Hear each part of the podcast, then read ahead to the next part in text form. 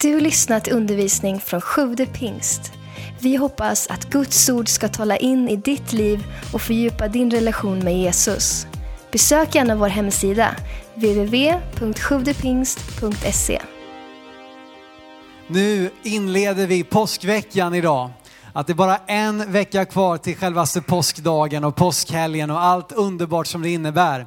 Och det känns fantastiskt bra. Och eh, vi är inne i det här, eh, vi väljer att försöka kommunicera vad påsken handlar om genom att sluta upp med många andra kyrkor runt om i vår värld som har valt att göra det genom att kommunicera på det här sättet att kors lika med hjärta. Jag menar korset idag, det kan betyda så många olika saker för olika människor. Eh, jag menar någon ser det kanske främst som ett smycke som, som folk har på sig. Någon förknippar det med, med liksom ett blodigt avrättningsredskap. Någon förknippar det säkert med vad, vad liksom kristna håller på med och kanske vet vad Jesus, att Jesus dog på ett kors. Men vad det verkligen handlar om är att korset, mer än någonting annat, symboliserar Guds kärlek till varje människa. Att där i så ges det utlopp för Guds hjärta på ett mer påtagligt sätt än något annat genom att Jesus dog och gav sitt liv för våra synder på korset.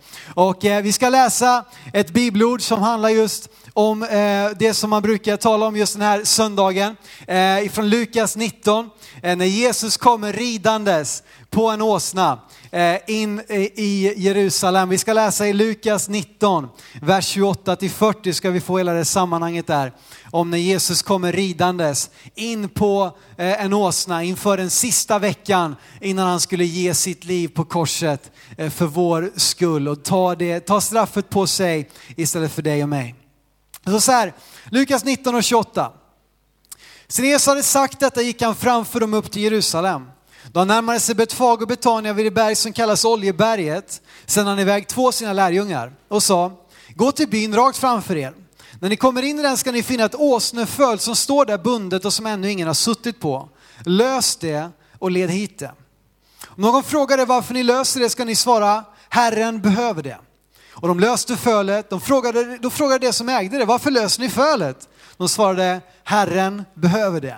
Och de ledde det till Jesus och la sina mantlar på det och lät Jesus sitta upp. Och där han red fram bredde man ut sina mantlar på vägen.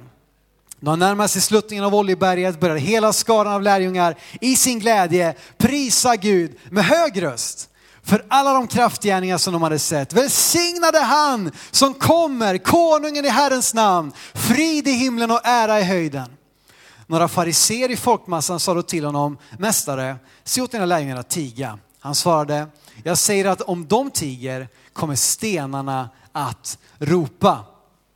Jesus kommer ridande på en åsna. Jag hade förmånen att predika också den här söndagen förra året och läste samma text från ett annat evangelium.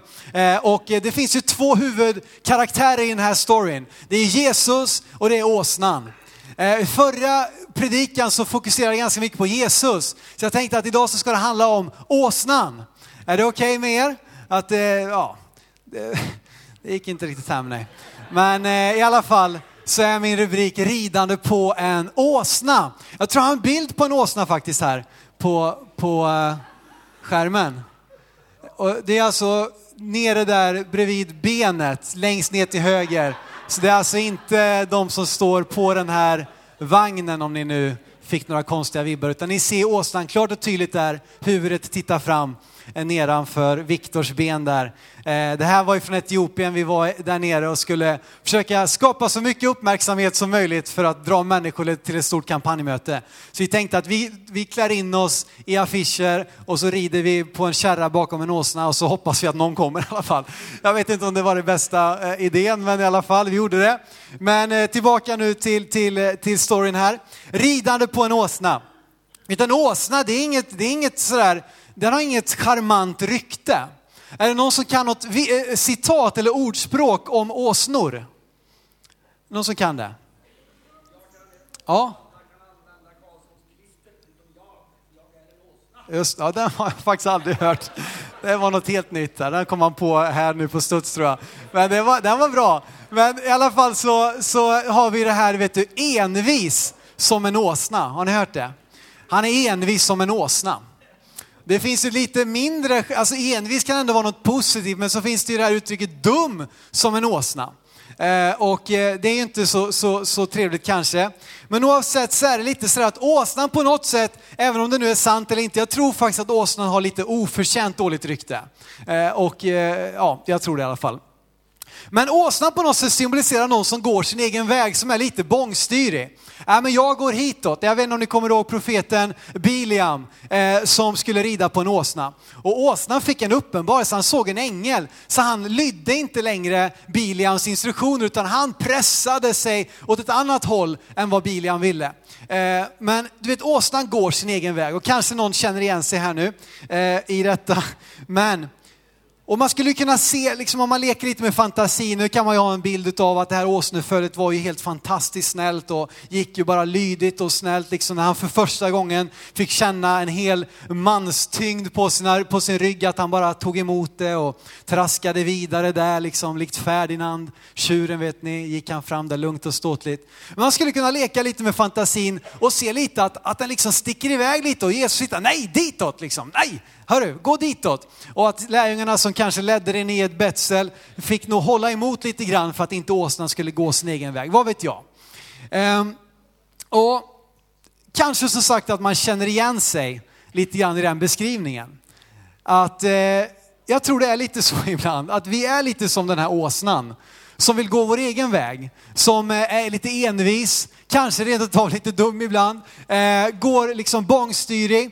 Men nu Jesus får, vill ändå så att säga vara med, han vill ändå leda oss, han vill ändå visa oss vägen. Och man kan ju fråga sig varför Gud valde en åsna av alla djur när han skulle föra fram Jesus till människorna. Varför gjorde han det?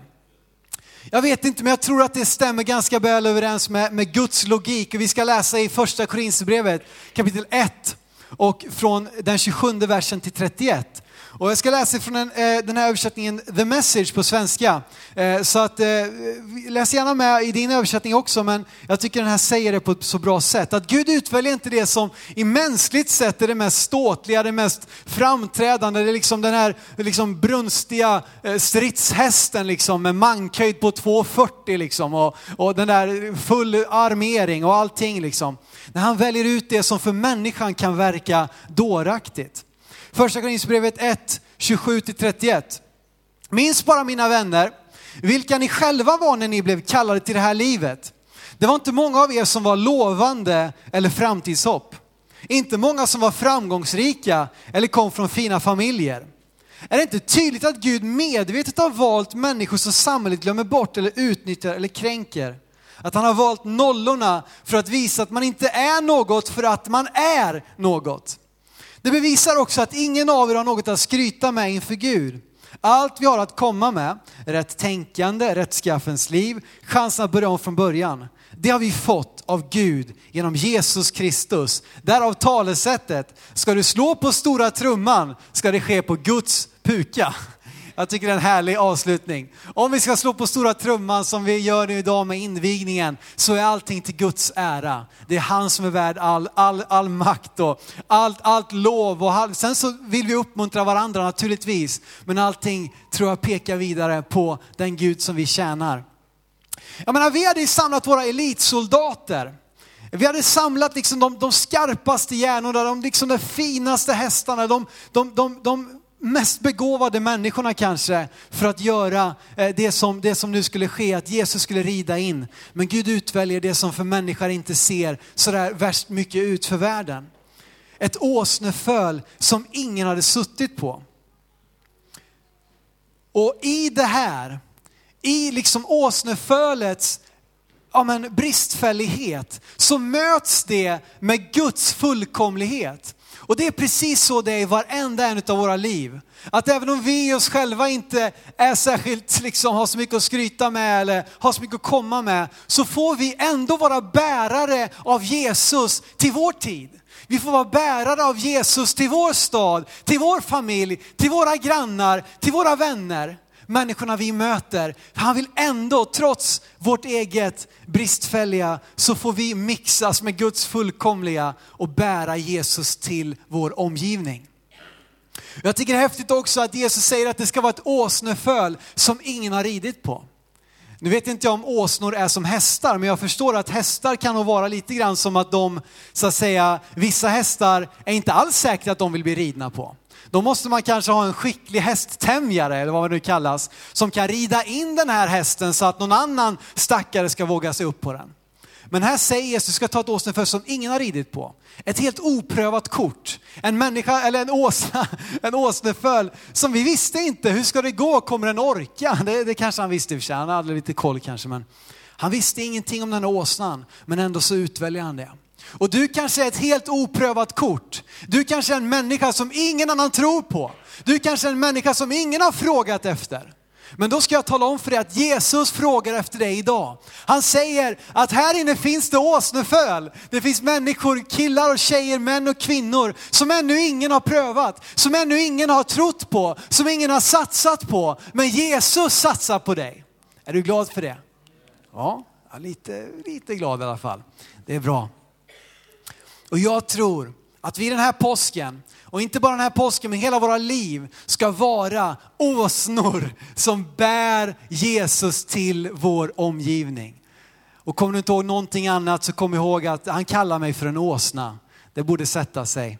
Och då, får vi, då kanske du blir förnärmad. Men tänk då på den syrisk-feniciska kvinnan som ville ha ett under utav Jesus och han kallade henne för hund. Men hon tog det där eh, och, och liksom vände på det istället för att bli förnärmad så att jag hoppas ingen ska stötas nu av att jag kallar det för åsna. Jag tror det finns något väldigt vackert i det. Att få vara någon som helt enkelt eh, låter sig bära fram Jesus till sin omgivning. Oavsett vår erfarenhet, oavsett vilka vi är. Gud utväljer dig. Det börjar med att Jesus sa till lärjungarna att de skulle gå in i byn eh, och vi kan läsa de verserna faktiskt igen ifrån eh, eh, de, de sista, eller mitt i där, vad är det nu då? Det är 30 och 31 i det vi läste precis, kan bara slänga upp den direkt där. Gå till byn rakt framför er, alltså i Lukas 19. När ni kommer in i den ska ni finna ett åsneföl som står där bundet och som ännu ingen har suttit på. Lös det och led hit det. Om någon frågar dig varför ni löser det ska ni svara, Herren behöver det. Det börjar med att Jesus säger till dem, hämta fölet och lös den och led den. Lös den och led den. Och så är det också i våra liv. Att vi är bundna på så många olika sätt. Men när Jesus tar sitt intåg i ditt och mitt liv så börjar det med att han löser dig. Det börjar med att han sätter dig fri från det som håller dig bunden. Det börjar med att han kan skaka av dig alla bojor, alla liksom misslyckanden, allting som människor har sagt till dig att du inte duger, inte räcker till. Så får du ändå se och mötet med Jesus så börjar det alltid med att han löser dig för att sen också leda dig igenom det liv som du ska leva. Johannes 8.36, ett fantastiskt bibelord som handlar om den här friheten som bara Jesus kan ge. En frihet som, som inte kan köpas för pengar, den kan liksom inte betalas på något annat sätt, den kan inte förstås fullt ut av oss. Men det är en frihet som sonen ger, som Jesus ger. Och det står så här i Johannes 8.36, om nu sonen gör er fria blir ni verkligen fria. Amen. Om nu sonen gör er fria blir ni verkligen fria. Ehm, jag snappade upp, eller hörde talas om ett vittnesbörd från en tjej som, som kallar sig för Hej Sonja. En duktig bloggare ehm, som har bloggat på en, på en eh, stor portal som heter Nöjesguiden. Nu tror jag hon har en egen blogg i alla fall. Eh, och hon har skrivit då, haft många följare och sådär. Sen så skrev hon på sin blogg om en depression som hon hade. Hon skrev öppenhjärtigt om detta. Men sen gick det en liten tid. Eh, för att efter det så hände någonting. Jag ska läsa upp det blogginlägget som hon skrev strax efter att hon hade beskrivit sin depression och hur hon på olika sätt upplevde sig bunden. Jag ska läsa hela det här och det är fantastiskt bra så lyssna med båda öronen här. Ja, jag vet inte var jag ska börja. Men inte länge efter att jag skrev det där inlägget så blev jag kristen. Jag kan inte förklara exakt hur det gick till. Jag var trött, slut och utan hopp. Jag kände mig förlorad och förtappad. Jag var rädd för allt och det kändes som att den här världen höll på att rasa över mig och sluka mig helt och hållet. Hela mitt liv har jag känt att jag haft en gnista inombords som fört mig framåt, även i jobbiga tider. Men vid det laget kunde jag knappt ana den gnistan längre. Även fast jag på många sätt klarade vissa saker bättre än jag gjort tidigare, så känns allting så himla meningslöst. Och på något sätt blev det så illa att jag bad. Jag hade läst någonstans att there is power in the name of Jesus. Så jag tänkte, ja, ja, kan jag prova Cetralin så kan jag väl prova det här med. Och så bad jag högt för mig själv typ så här. Jesus, ta bort det onda. Och Jesus, nu lägger jag mig själv i dina händer. Jag klarar inte mer själv. Jag tyckte till och med själv att det kändes skitkonstigt, men jag gjorde det ändå. Och det var i princip som att jag la mig som vanligt på kvällen för att vakna till en helt ny sorts dag. Det är svårt att beskriva. Jag har berörts i mitt innersta och det har förändrat allt. I början var jag jätteförvånad, för jag är inte den kristna typen, vad det nu är för typ. Men plötsligt ville jag gå till kyrkan, jag ville läsa Bibeln, jag ville prata med andra som känt och känner samma sak. Jag ville förstå vad som hände och jag kände ett nästan desperat behov av att dela det med någon. Så jag gick till kyrkan och njöt och jag läste Bibeln och blev helt varm i hela hjärtat.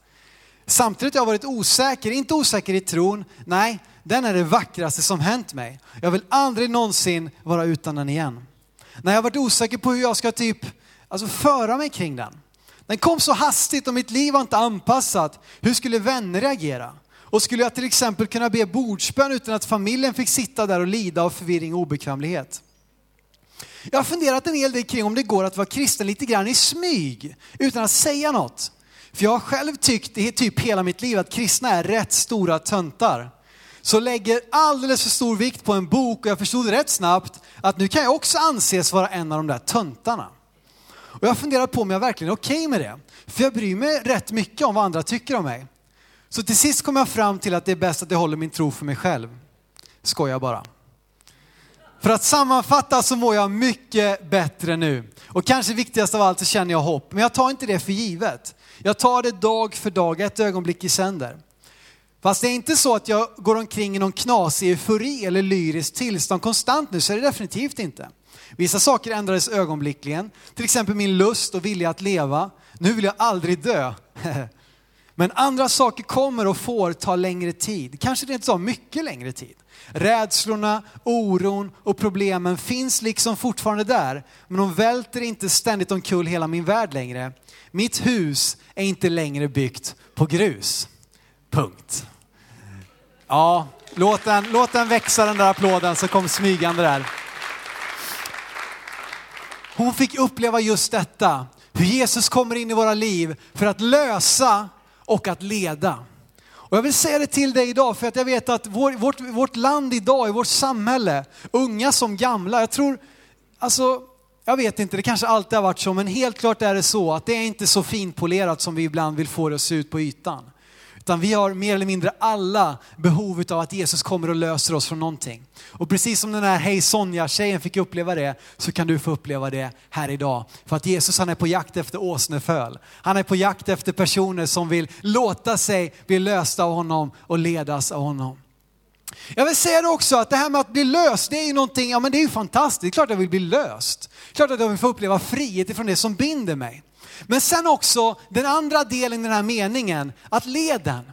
Jag vill uppmuntra dig idag att låta dig ledas av Jesus.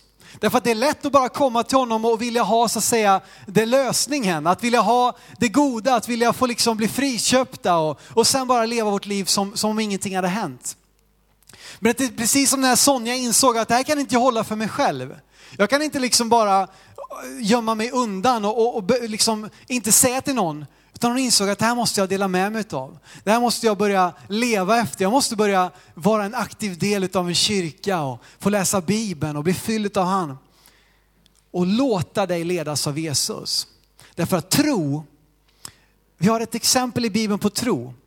Vad det är för någonting, Abraham.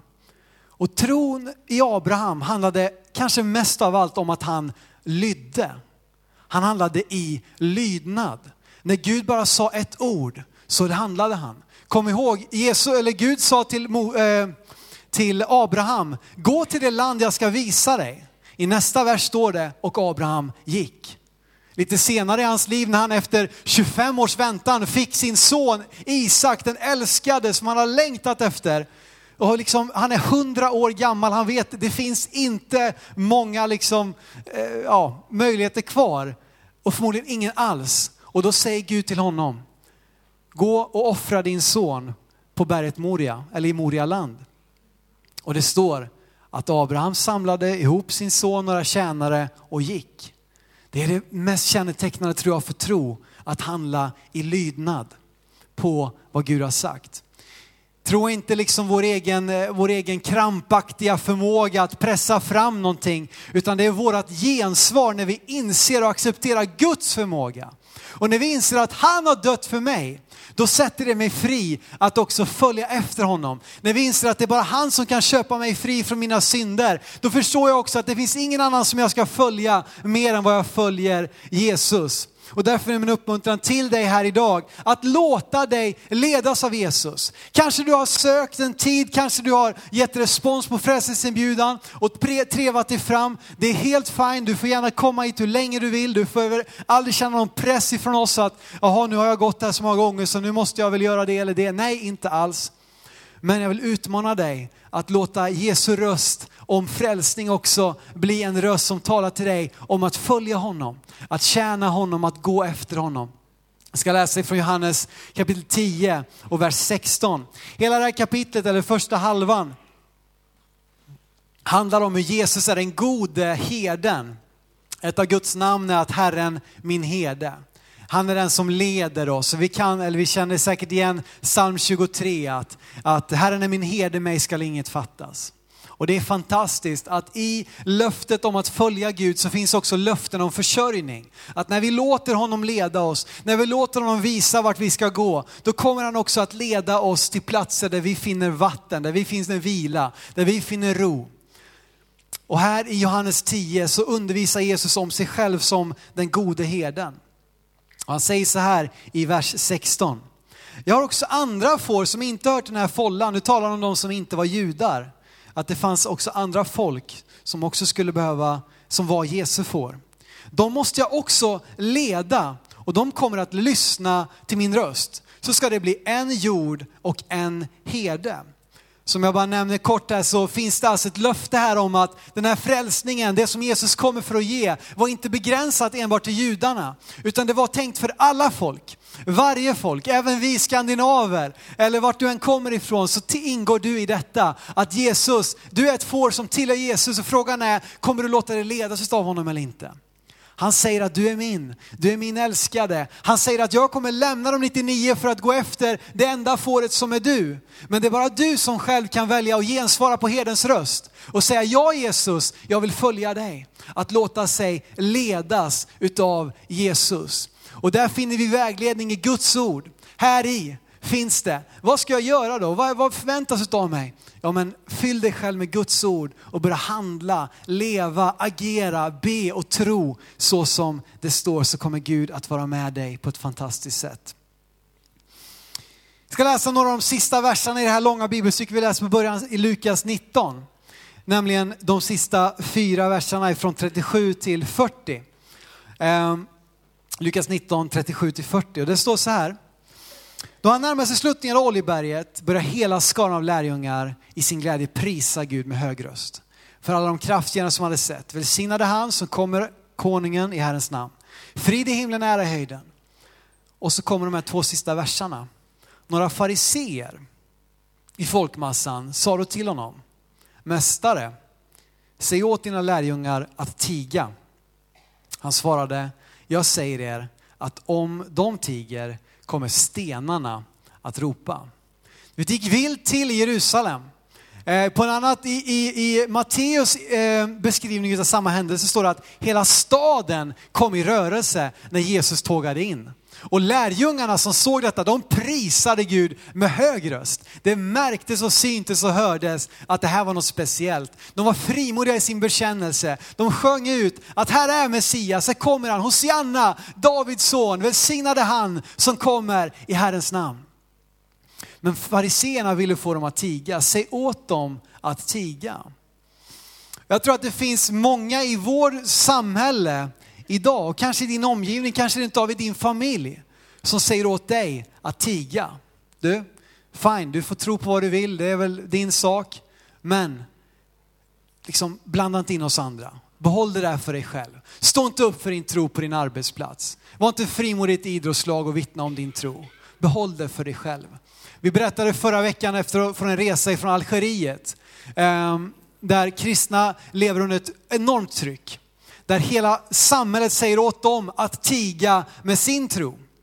Och där de får betala ett högt pris för att överhuvudtaget vittna om Jesus, för att överhuvudtaget ta emot Jesus i sina liv. Om de väljer att ta emot Jesus och bli döpta så är det likadant som att skriva under liksom sin egen uppsägning. Både utav jobbet, utav kanske hyran, bli uppsagd från sin lägenhet, bli kanske utstött från sin familj, kanske att ens fru eller man kommer begära skilsmässa. Det är det pris de får betala bara för att överhuvudtaget göra det som Rebecka gjorde idag. Visst är vi tacksamma att vi lever där vi bor och får vara med om den här friheten. Men hur mycket mer borde då inte vi vara frimodiga att låta det höras och synas och märkas vilka vi tillhör, vilka vi tillber, vem vi, vem vi tillber, inte vilka vi tillber. Vi tillber en Gud, den sanne Guden, den levande guden. Säg åt dem att tiga, inte en chans. Och om vi tiger, då kommer Gud se till att stenarna ropar. Och jag tror att vi låter bättre än stenar faktiskt. De kan klappra och de kan smälla och de kan skramla. Men vi, vi kan använda våra röster, vi kan använda våra liv till att låta det synas och märkas och höras. Vart vi än går fram så ska du se dig själv som det här åsnefölet, det oprövade kortet. Och på dina axlar så sitter Jesus. Och han vill att, att människorna ska få höra om vem han är. Han vill att du ska höja din röst för att prisa honom, för att vittna om honom. Och därför är jag så glad glad att vi har en påskhelg att se fram emot. Där vi ska få verkligen fira Guds uppstånd, Jesu uppståndelse från de döda. Och att vi ska få göra det med flera fantastiska samlingar. Där vi tillsammans får proklamera i vår stad att Jesus lever än idag. Att vi får vara lika frimodiga som Hej Sonja som direkt skrev på sin blogg. Där ingen visste att hon var kristen, Så skriver hon ett sånt där inlägg. Fatta vad det innebär. Det vore intressant att sitta ner och läsa och höra vad hon har fått uppleva efter detta. Och jag var inne och läste lite på hennes blogg. Hon har fortsatt att skriva frimodigt om vad hon har upplevt tillsammans med Jesus och vad det har betytt för henne.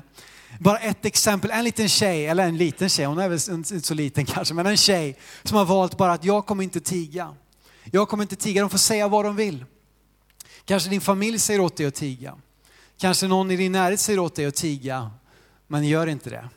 Låt det höras, låt det synas, låt det märkas att ditt liv har blivit förvandlat utav Jesus. Och det är det som påsken handlar om. Att vi får vittna om vem han är. Att vi får vittna om att kors är lika med hjärta. Att vi får tala ut det, vi får proklamera ut det. Att vi får dela med oss av det till våra vänner. Via sociala medier till exempel. Men att ta de här bilderna som vi lägger upp liksom. Dela med dig av det till dina vänner. Skriv att du ska till kyrkan. Låt det märkas. Dela med dig av läsplanen. Kanske ge en sån här läsplan till någon i din omgivning. Vittna för din kompis eller din familjemedlem och tala om dem. Kanske du ska bjuda in dem till nästa gudstjänst eller till någon av de andra samlingarna vi har under påskhelgen. Och låta det märkas den här påsken. Vad Jesus har gjort i våra liv. Att kors är lika med hjärta. Att det är inte någonting konstigt, någonting, liksom, någonting dött, någonting som är på utgång. Utan att det är någonting som är lika levande och kanske ännu mer levande idag än vad det någonsin har varit tidigare. Guds kärlek, Guds hjärta för oss människor. Wow, fantastiskt. I detta så sa jag att det började med att Jesus sände sina lärjungar in i byn för att hitta det här åsnefölet. Och så skulle de lösa det och leda det. Och när människorna ställde frågor, vad, vad handlar det här om? Vad, vad, vad, vad ska du göra? Och Så fick de bara säga, Herren behöver det. Herren behövde åsnefölet. Och du kanske känner dig som ett åsneföl, vad vet jag? Oprövad. Ingen ens som liksom har sökt efter dig. Men nu vill jag säga till dig att Gud har sänt sina lärjungar till den här staden och vi får vara del av det. Att vi får proklamera här söndag efter söndag, vecka efter vecka att Herren behöver dig. Han är, du är hans får. Han älskar dig. Han längtar efter att du ska välkomna honom in i ditt liv. Och det ska du få möjlighet att göra just nu. Det finns ingenting som är viktigare än invigningssöndag det är liksom ingen rundvisning som är, som är det viktigaste. Det är inte fikat efteråt. Det är inte ens min predikan. Utan det är möjligheten att vi just här och just nu får ge möjlighet till dig att ta emot Jesus i ditt liv. Att låta honom lösa dig från det som binder dig, från syndens ok och slaveri. Från all oro, all ångest, allt mörker. Så kommer han och han är här idag. Jag vill vara som de här lärjungarna som gick fram till det här följet och sa, Herren behöver dig. Tack för att du lyssnat. Glöm inte att du alltid är välkommen till vår kyrka. Du hittar mer info på www.sjuvdepingst.se.